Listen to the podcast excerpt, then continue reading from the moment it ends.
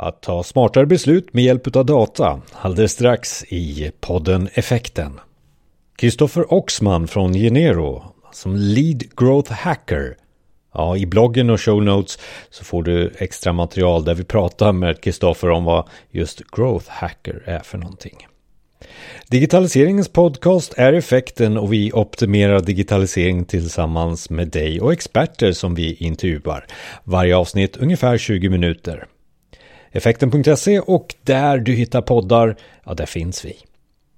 Så hur blir du då bättre på att få ett bättre resultat, ett gott resultat och goda beslut? Ja, det är stora ord och kan man med hjälp av eh, datadrivet skapa de här besluten? Så lyssna på hur data blir fakta med hjälp av några exempel och få att dig att förstå kanske att det här är ju våran framtid. Avsnitt 140 utav effekten.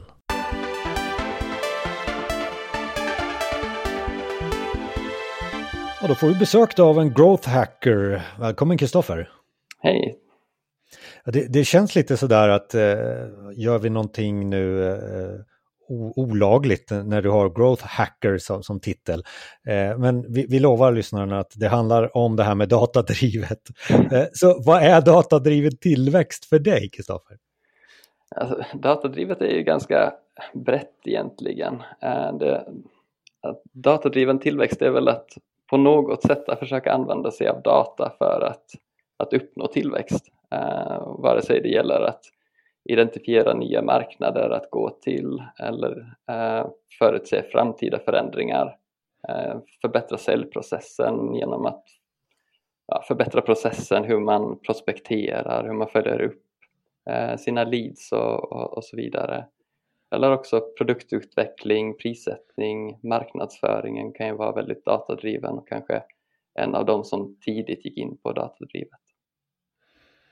Men, men data måste ju komma någonstans ifrån. Hur, hur får man de där datorna att rulla? Um, ja, vilken data man ska ha så det beror helt på vad man vill försöka fatta för beslut egentligen. Um, vad, vad är det för beslut som behöver tas inom vilka områden för att, att uppnå tillväxt egentligen? Och det hakar väl in i kanske företagets vision och mål också? Ja exakt, att man, man, försöker ju, man försöker egentligen göra beslut på det som kan leda en mot företagets vision och mål då egentligen. Um, men är det svårt? Har man inte alltid gjort det? Liksom? Vi måste ju haka in saker och ting på det sättet som är våra mål och det är som våra syfte. Vad, vad är det som gör att det blir så populärt med datadriven tillväxt? Ja, alltså vi har ju alltid gjort beslut på någon form av data i alla fall. Men vi har ju betydligt mycket mer data idag än vad vi hade för, för några år sedan. Eh, mängden data som samlas varje dag så ökar ju konstant, liksom exponent, exponentiellt. Så, så det ger ju, ger ju oss möjligheter att kunna göra datadrivna beslut på områden vi kanske inte har kunnat gjort datadrivna beslut tidigare. Alltså, någonstans säger du också så här, det är mycket data, hur ska jag välja data? Eh, och ge något exempel på där som, som har blivit så pass mycket bättre nu med alla våra digitala verktyg. Eh, ja, ett exempel är inom marknadsföringen i sig, då, så inom annonseringen så samlas ju betydligt mycket data i nuläget eh, om, om användare och om hur de engagerar sig med innehåll och så vidare. Eh, och den datan kan vi ju använda oss, vi kan ju analysera existerande användares beteenden eh, för att hitta nya potentiella kunder.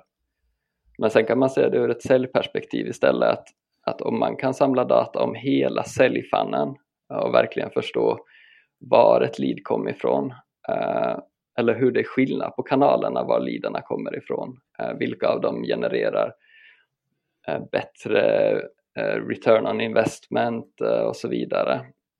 Eh, och sedan hur ska man följa upp leadsarna på olika sätt beroende på var de kommer ifrån. Den datan kanske vi inte haft eh, så mycket utav tidigare ändå. Och det du säger också, det är ju inte ett system du hämtar ifrån. Så, nu tog du marknadsföring som exempel, men det kunde ju vara vilken process som helst egentligen på ett företag. Man vet ju att den passerar ett, genom ett antal olika system. Eh, och handlar det om att sätta ihop det här och tänka data från flera olika system? En viktig del är ju att bestämma sig var man vill jobba datadrivet till att börja med um, och sedan försöka ja, egentligen sätta ihop data från flera olika system då, eller se till så att man jobbar åt samma håll i alla fall, samma riktning eh, i, sitt, i sitt arbetssätt. Eh, och därav, för att hoppa tillbaka till det, det du Jonas var inne på, så är målen väldigt viktigt också. Ja, för, för landar du där med kunder väldigt mycket, alltså att de kommer till dig och säger men lite data, drivet vill vi vara. Och det är väl svårt att svara på den frågan tänker jag då. Ja, exakt. Eh, man kan ju bli datadriven inom vissa områden men för att, för att ett företag ska bli datadrivet så krävs det att företaget i sig har en kultur som accepterar att vara datadriven. Uh, också att det finns processer, eller i alla fall att man är villig att utveckla processer för att bli mer datadriven i det man gör. Data blir ju fakta när den tolkas, som man brukar också säga i de här sammanhangen. Eh, men och det var där lite var inne på, att kan det vara många som tror att det bara, bara vi har data så kan vi sen titta på hur vi ska prioritera utan att egentligen koppla det till fakta och koppla till våra mål. Får, får du väldigt mycket den iterationen där i början när, när kunder kommer till er? Det varierar lite. Alltså, i, ibland är det så att det finns rätt data men i, i många fall kan det också vara att man inte har rätt data för att kunna göra något beslut just då. Uh, och man man tvingas egentligen att börja med att samla rätt typ av data som ska analyseras. Eh, det kan också vara att man har väldigt mycket data men det går inte att segmentera fram den datan man behöver för att göra de typerna av beslut man är ute efter. Ja, för nu är vi inne lite på det här med, du var ju inne på exempel tidigare här, men så kan du ha några goda exempel på datadrivna beslut till, till det här tillväxt? Goda, goda, goda datadrivna beslut kan, kan egentligen vara ganska många. Eh, egentligen allt som är baserat på data eller som när det finns någonting bakom beslutet så är väl gott i sig. Sen finns det ju det är kanske är enklare egentligen att se på vad, vad är inte så liksom, bra beslut egentligen, eller som inte är datadrivna beslut, det är väl kanske då man gör, gör ett beslut, eh, utför, utför det och så Sen om man lyckas eller om man misslyckas så vet man inte heller varför. Ehm, man, man har aldrig liksom baserat processen på att, att göra beslutet på data och man har heller inget sätt att följa upp resultatet på det. Ehm, så att allting var i, man, det finns liksom ingen lärdom utav, utav det man gjorde. Det låter som någon har bara beställt data och så får upp en dashboard och så säger jaha, vad säger det här oss? Ja, exakt, man bara massa data och sen så vet ingen varför man tittar på den. Men har du någon kund som, som du har följt hela vägen på, på eh, som är, det här var bra? Liksom? Ja, alltså, vi har flera kunder som vi jobbar väldigt datadrivet med och en som vi har jobbat med över tio år egentligen så ganska gott, ett bra exempel på det så är, de skulle lansera en produkt här, här tidigare, en, en produkt de skulle lansera i, i Finland i det här fallet um, och um, då, då, som ger ett exempel på hur man kan jobba datadrivet då är att, att först har ju produkten utvecklats baserat på data, att det fanns en efterfrågan på den här typen av produkt. Eh, så så man, produkten i sig är ju unik eh, på det sättet och skapar ett värde för målgruppen. Men sedan kommer ju nästa steg att hur, hur ska vi berätta om den här produkten eh, till målgruppen? Så då, då gjorde vi så att vi gjorde undersökningar till att börja med. Ehm, dels baserat på tidigare information vi hade fått om varför produkten utvecklades men också frågade målgruppen ehm, hur de skulle värdesätta den och vad, vad som intresserar dem ehm, om den här produkten. Och baserat på den informationen kan vi sedan göra det är antagligen inte bara ett sätt att berätta om den eh, utan vi hade som fyra olika sätt att, att prata om produkten, fyra olika sätt att kommunicera. Och så testar vi detta, dessa fyra meddelanden då i, i annonseringen eh, under en till två dagar. Se vilket av meddelandena som fungerar bättre, eh, vilket som mottas bättre, som målgruppen engagerar sig med och, och som leder till köp. Och så väljer vi ut det bästa för att utveckla det ännu mera eh, skapa nytt innehåll och gå djupare in på det ämnet. Ehm, och just det här sättet att testa sig fram baserat på data eh, så gör slutresultatet mycket mer effektivt. Eh, I det här fallet så sålde produkten slut i butik på en vecka eh, och produktionen kunde öka. Men sen kan man se andra fall när man inte gör de här testerna där man börjar titta på resultatet först efter i slutet på kampanjen, en månad in. Och då är det för sent att börja göra någonting om inga resultat ser, ser bra ut. Så att det här produkten fanns och istället för att sätta igång den här stora säljkampanjen med förbestämda saker som ska göras så testar man i iterationer då eh, vad som fungerade bäst. Och sen så dök man in i någon eller några av de lyckade resultaten ni har fått utifrån datamätningar. Exakt, så man egentligen man lägger inte allt krut på, på ett enda kort. Så, utan man, eh, man tar fram, fram flera alternativ, eh, hittar vad som funkar bäst och, och investerar sen i det. Var det slut där sen? Sen så satt produkten där och sålde av sig själv eller hur, hur blev det? Nej exakt, sen, det är ju också intressant. Sen kan man använda den här datan av de som har engagerat sig eh, med produkten, köpt den och så vidare. Eh, använda sig av den datan för att fortsätta kommunicera med existerande kunder, få dem att köpa mera, eh, köpa andra typer av produkter från samma, samma varumärke då.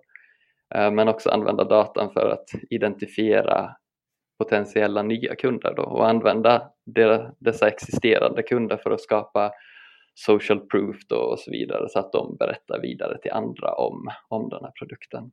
Eh, så egentligen så eh, själva lanseringen så kanske var i en månad men lanseringen håller ju fortfarande på idag. Vi säljer fort, utvecklar fortfarande kund, kundgruppen då så att säga eller drar in nya kunder in till den. Så produkten finns där ute, den är inte avvecklad så om man säger så? Mm. Nej, exakt. Den finns fortfarande kvar. Men alltså, eh, vän av ordning, jag försöker ju dela in det så här, ni hade en fördel och så sker det försäljning efter, liksom, efter att man har marknadsföring så börjar försäljningen. Så det är två steg som, om jag skulle eh, från ett helikoptersperspektiv titta på detta.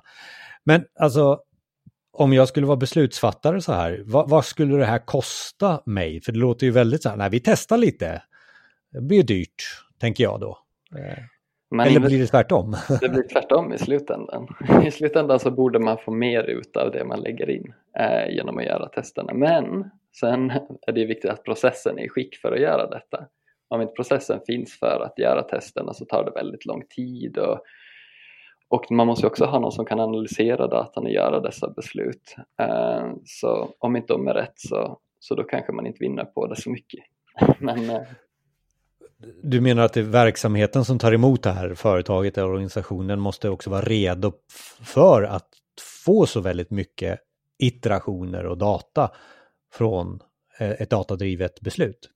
Exakt så kan det ju vara i vissa fall. I det här fallet vi just pratade om så var vi ett marknadsföringsteam som var helt datadrivna så då gick det ju väldigt effektivt och bra. Ehm, men sen om man tittar på större projekt där man försöker gå in för att vara mer datadriven så, så krävs det ju då att det, ja, det, det, går att jobba datadrivet, att, att alla accepterar det också. Att, och att egentligen alla avdelningar och personer ser ett värde i att, att, att göra det. Eh. Är det skapas värdet, eftersom du kallar dig själv growth hacker så låter det lite så här grilla och rebell. Eh, och i det här sammanhanget kanske det bygger väldigt mycket på att ni hela tiden itererar. Och då krävs det samma typ av människor som fattar det här att det är hela tiden en process som pågår. Ja exakt, det är ju en grej att det är kanske lite annorlunda eh, gentemot tidigare. Eh, att det är en pågående process eh, som inte tar slut egentligen. Man vill alltid få bättre resultat och, och den processen fortsätter alltid. Eh, men det jag tänker kanske mer på att se värdet så är att, att även fast de, inte alla i organisationen jobbar så pass datadrivet men att de förstår värdet i varför vill, vissa avdelningar jobbar på det sättet. Ehm, om man, det är till exempel viktigt om man implementerar inbound marketing eh, i sin organisation att också säljteamet är med på detta eh, och förstår värdet i det och kan också hjälpa marknadsföringsavdelningen att, att förbättra deras beslut genom att ge feedback eh, på att hur kvaliteten har varit på leadsen och, och hur de ser att marknaden utvecklas för att i sådana fall kanske sälj är närmare kunden än vad marknadsföringsavdelningen är. Och då är det viktigt att den här datan eller informationen ehm, eh, flyttas emellan eh, avdelningar och personer. Det där är ju faran om man skulle jobba i, i, eh, i gamla organisationer som det är väldigt mycket stuprör så, så kanske inte det här med growth. Då får man jobba lite på growth hacking antar jag. Ja, det, men det brukar oftast finnas en väg. Man måste bara hitta hur ens existerande kultur kan anpassas mot denna datadrivna, detta datadrivna sätt att jobba kanske.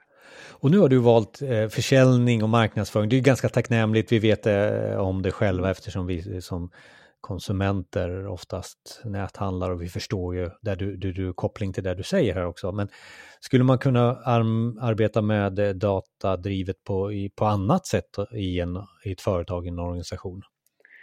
Vi var lite inne på produktutvecklingen där också, eh, som självfallet också alltid har varit till viss del datadriven. Eh, men det finns extremt mycket data att, tillgå eh, online i dagsläget för att hjälpa till med det. Eh, och automatisera processen med hjälp av data för att, att utveckla ens produkter, lägga upp nya mål, se potentialen. Vi kan, vi kan, om vi samlar in tillräckligt med data så kan vi förutse vad, vad framtiden eller till viss del kunna förutse hur framtiden ser ut eh, några månader framåt. Det finns AI-verktyg som kan hjälpa oss att, att se hur corona kommer att påverka vårt företag eh, och så vidare. Så det finns det som populärt brukar, från offentligheten brukar man ju säga uppe, eh, öppen data, där kan du hitta, men också för övrigt hela internet håller på att säga, finns ju data, men, men, men någonstans här handlar det ju om att kombinera det som är öppet med det som du har eh, inom, inom organisationen också. Det här är intressant och, och det är väl så att många har väl förstått att det här med datadriven datadrivna beslut är det nya sättet att ta faktabaserade beslut. Men hur börjar man med det här? Kristoffer, har du någon sån här, jag brukar vara fan av den här checklistan, punktlistan 1, 2, 3. har du något så här på slutet som du skulle kunna sammanfatta det här med eh, hur man ska lyckas? Ja, jag önskar jag hade en, en, en guide på varje steg genom hela processen. Ehm, det är ju det att, att alla företag har olika kulturer egentligen och existerande processer så de är alltid lite olika ändå hur man, hur man implementerar det genom hela företaget. Eh, men det finns ändå vissa så första steg att göra eh, och det är sammanställa egentligen frågeställningar som är viktiga för ens företag. Eh, vad är det som, som driver verksamheten framåt? Och identifiera frågor som man behöver svar på för att gå mot rätt riktning. Så att egentligen börja lägga upp ens mål och vad är visionen? Det vet vi oftast allihopa med företaget. Och sen vad ska vi mäta för att, att veta om våra insatser och det vi gör eh, gör att vår utveckling går åt rätt riktning. Eh, så jag brukar kalla, eller prata om KPIs, eh, Key Performance Indicators, eh, för, att, för att kunna mäta hur, eh, hur olika områden eh, utvecklas och presterar i förhållande till ens huvudmål. Eh, och sedan kontrollera då om man kan mäta dessa idag. Eh, om inte, vad behöver man göra för att få den typen av data för att kunna mäta den? Ehm, och, på så sätt ehm, ja, planera vad för data som behövs då, eh, hur vi ska analysera och använda den egentligen för att för att svara på frågan om vi går i rätt riktning. Så det är väl, det är väl de första stegen. Ja, och, och, och du, i mitten här, det mittensteget, alltså man ska inte vara rädd för att önska på här att vi ska kunna mäta på vad som helst i stort sett. I, för att man, man, ska inte begränsa sig, man har frågeställningen men man ska inte begränsa sig för det finns data på det mesta. Ja, och det är väldigt bra att Eh, ta hjälp av andra också som kanske redan varit i den här processen. Eh, för att det finns mycket data som man kanske inte själv vet om att existerar och som man kan använda till olika typer, typer av syften. Eh, så att få input från andra eh, runt omkring eh, som har gjort den här resan är väldigt bra. Datadrivet behöver faktiskt inte, man behöver inte alltid vara datadriven. Eller så man måste släppa tyglarna också egentligen. Man tänker, ser man typ på den kreativa delen inom marknadsföringen så, så är det viktigt att det, det finns en brief Eh, vad som egentligen behövs och vad man har lärt sig tidigare. Eh, men, men man låter kreativiteten flöda egentligen. Man vill ju skapa någonting nytt. Eh, följer man konstant efter med enligt vad datan har sagt tidigare så kanske man inte kommer på någonting nytt heller. Utan istället kan det vara bra att låta det kreativa liksom flöda, nya helt unika idéer tas fram och sen ser man om datan kan stödja det här. För, för annars kanske du bygger ett hål där du konstant testar och så, så missar du massa saker runt omkring dig. Liksom, nya sätt att göra saker på som, eh, som inte din nuvarande data visar att du borde göra.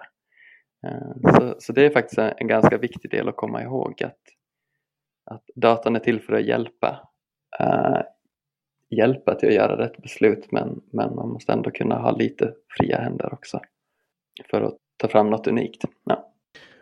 Och man kan också lyssna på sådana här poddavsnitt för att få lite mer inspiration till att eh, tänka data, eh, data först egentligen, eller datadrivet, för det är det nya sättet att faktabasera sina beslut.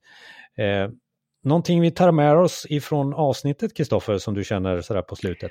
Det är väl att börja, börja processen om man inte har gjort det. Eh, och alltid försöka fundera på att, att får man svar på varför någonting gick som det gick eh, efter man har utfört eh, en uppgift eller en, en kampanj eller vad det nu är. Tack så mycket Kristoffer Oxman. Tack själv Jonas.